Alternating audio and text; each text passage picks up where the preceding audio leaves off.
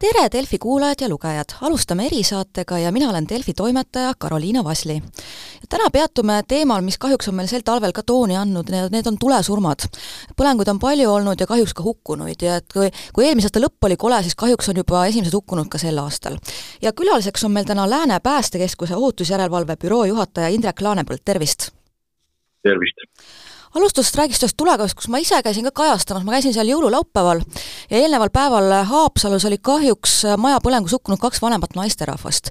ja tahtsingi alustuseks küsida, et mis selle põlengu kohta praeguseks on selgunud? Äh, päästeametil on äh, tänaseks jah, tulekahju tekkepõhjused ja levik äh, selge ja me saame öelda, et ühes korteris oli tulekahju, mis siis tekitati meelega ja see inimene soovis siit ilmast lahkuda kahjuks äh, võttis ta endaga kaasa ka siis äh, kõrvalkorteris elanud äh, vanema naise. seda on väga kahju kuulda, et kuidas, kas ta siis ise sellest tõesti kuidagi pani midagi põlema või mis, mis ta tegi, et? jaa, kõik märgid viitavad sellele, et ta soovis siit elust lahkuda ja rohkem ma seda teemat detailselt hea meelega ei kommenteeriks. jaa, arusaadav.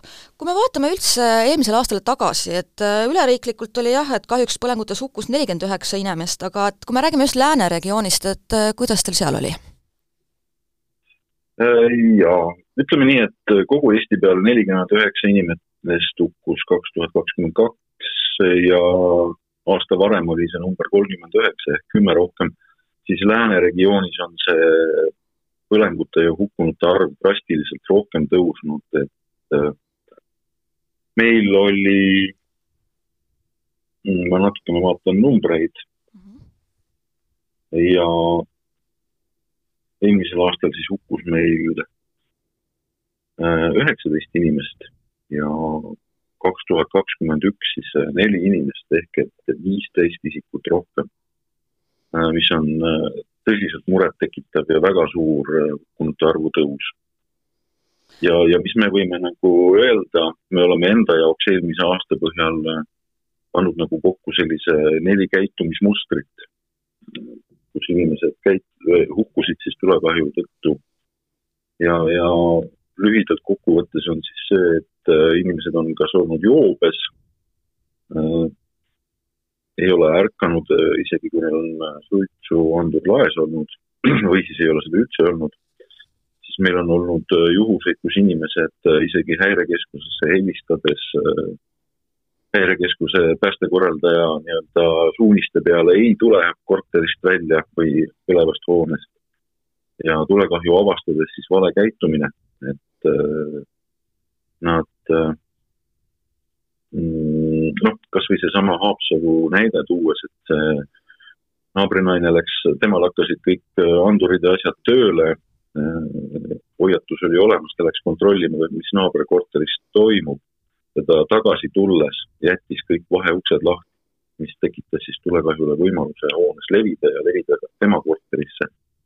kuigi tal oli seal paigaldatud tuletõkke uks, oleks see kinni olnud, siis oleks meil üks inimelu jällegi alles olnud ja, ja teine ja neljas variant on see, kus inimesed soovivad äh, tulekahjuga ise nii-öelda hakkama saada, seda kustutada.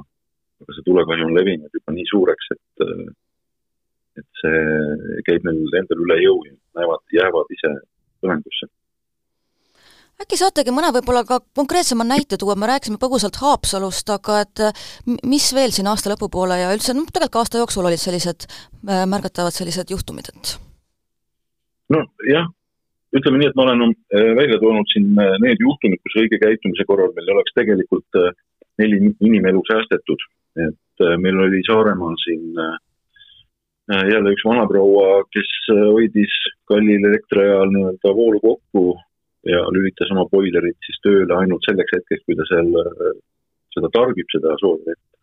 aga elektrisüsteem oli nõrk ehk et vanad kuulujuhtmed ja need ei pidanud sellele tarbimise kõikumisele vastu ja süttis, ta ise äh, avastas selle tulekahju, helistas häirekeskusesse, aga millegipärast ta sealt hoonest välja ei läinud ja kahjuks hukkus. ja, ja noh, siin äh, üle Eesti olnud traagiline sündmus, palju kõlapinda saanud äh, kus Pärnumaal juhtus sündmus, kus kaheksateistaastane tütarlaps äratas terve pere, päästis mitme inimese elu, aga millegipärast ise läks tagasi hoonesse. et tegelikult oli ju temal võimalus sealt hoonest pääseda, miks ta seda tegi ja tagasi läks, noh, seda kahjuks me enam küsida ja teada ei saa, aga, aga see on nagu see käitumismuster, et kui on tulekahju, siis tuleb hoonest välja minna, eriti veel nii suures staadiumis.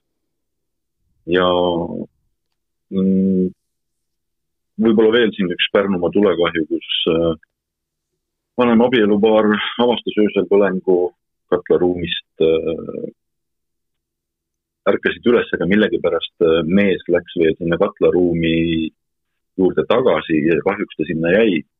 tegelikult oli seal ka olukord, et katlaruumil oli tuletõkke uks ees, et äh, piisanuks selle ukse sulgemisest ja, ja oleks olnud meil inimelu jälle säästetud ja vara võimalikult vähe hävinud ja võib-olla siis see juhus, mis nüüd äh, kõige viimaseks jäi Pärnumaal siin kolmekümne esimese detsembri õhtul, kus vanem naine tuli poest koju, ta oli siis eelnevalt äh, ahju kütnud, läinud äh, kauplusesse, käis veel kuskil ka külas. ja kui koju jõudis, siis oli seal tulekahju. ja selle asemel, et sinna mitte siseneda, ta ikkagi läks sinna hoonesse ja kahjuks sinna jäi siit kuidagi jääb ka jah kõlama, et inimestel kuigi noh, terve mõistus ütleb, et tegelikult ikkagi peaks nagu eemale minema, aga et võib-olla selles olukorras ei suudeta nagu selgelt mõelda või hakatakse mõtlema, et midagi on vaja ära veel tuua, et äkki saaks midagi päästa?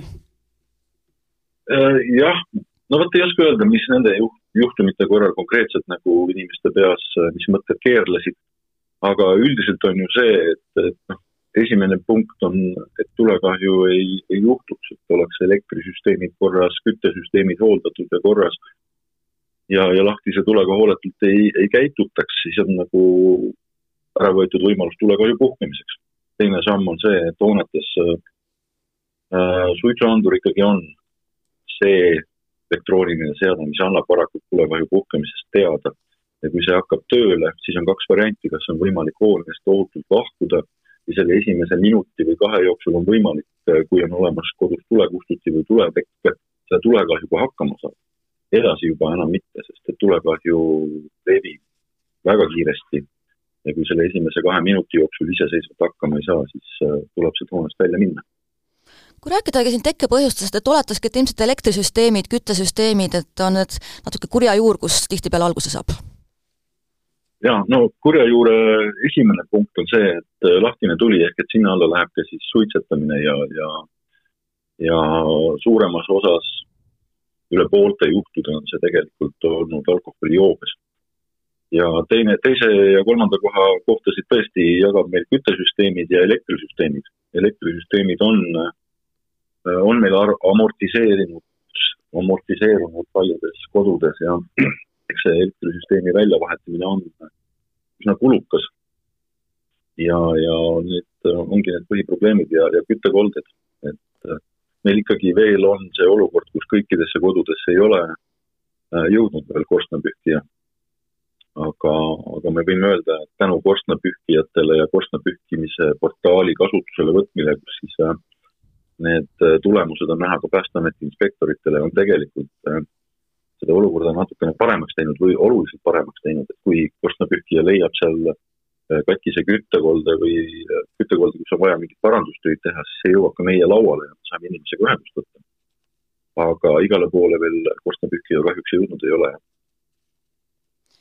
aastate jooksul on väga palju ka kampaaniaid olnud, räägitakse suitsuandurite vajalikkusest, et küsiks, et kas see on praeguseks hetkeks siiski ütleme, kas valdava enamikes kohtades on või see on ikkagi märkimisväärne probleem, et tegelikult ei ole ja inimesed äh, ei saagi ka sellest märgu, märguannet kuulda?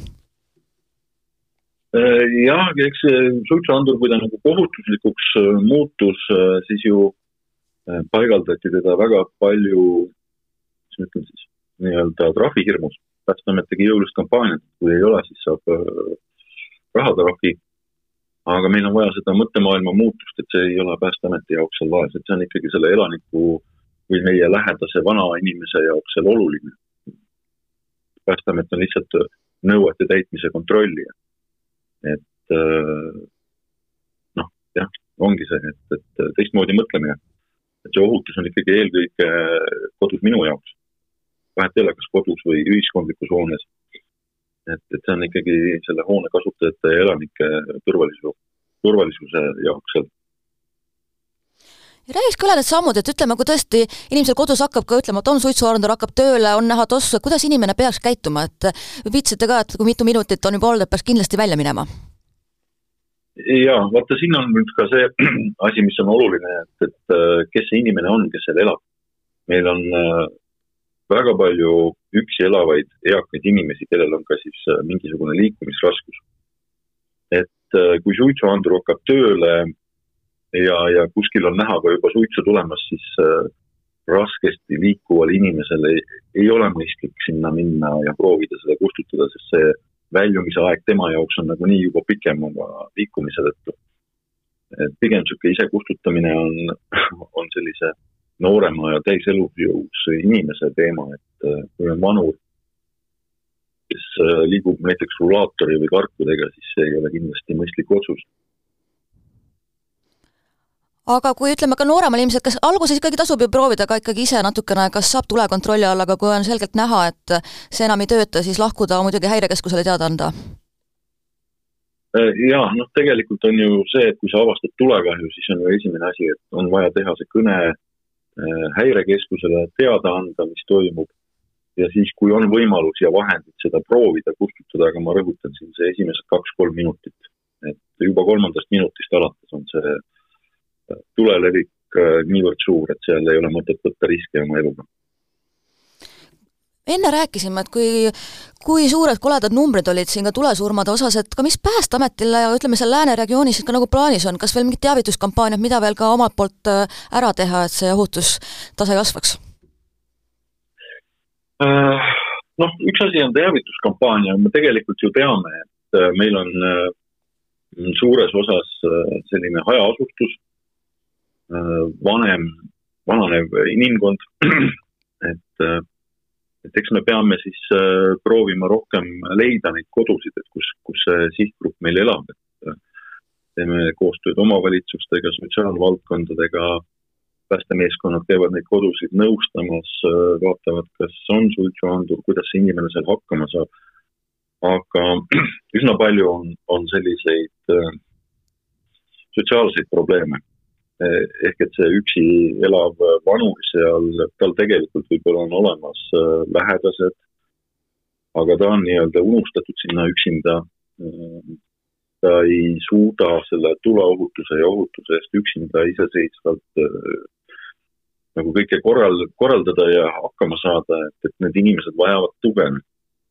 et selliseid inimesi, kellel mitte kedagi ei ole ja nii-öelda siis omavalitsuse sotsiaaltöötajad vaateväljas, neid on suhteliselt vähe, kelle, kõigil tegelikult on ju keegi kuskil lähedane.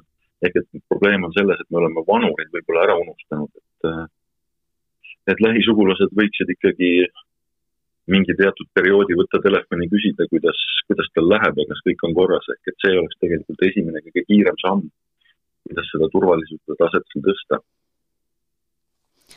aga tõesti, loodame, et olukord läheb paremaks ja et see kurb statistika ei saa veel märkimisväärset täiendust, aga ma arvan, et sellega tõmbas ka saatele joone alla, aga igal juhul suur aitäh aega leidmast ja taustast rääkimast! aitäh teile ja kõike turvalist!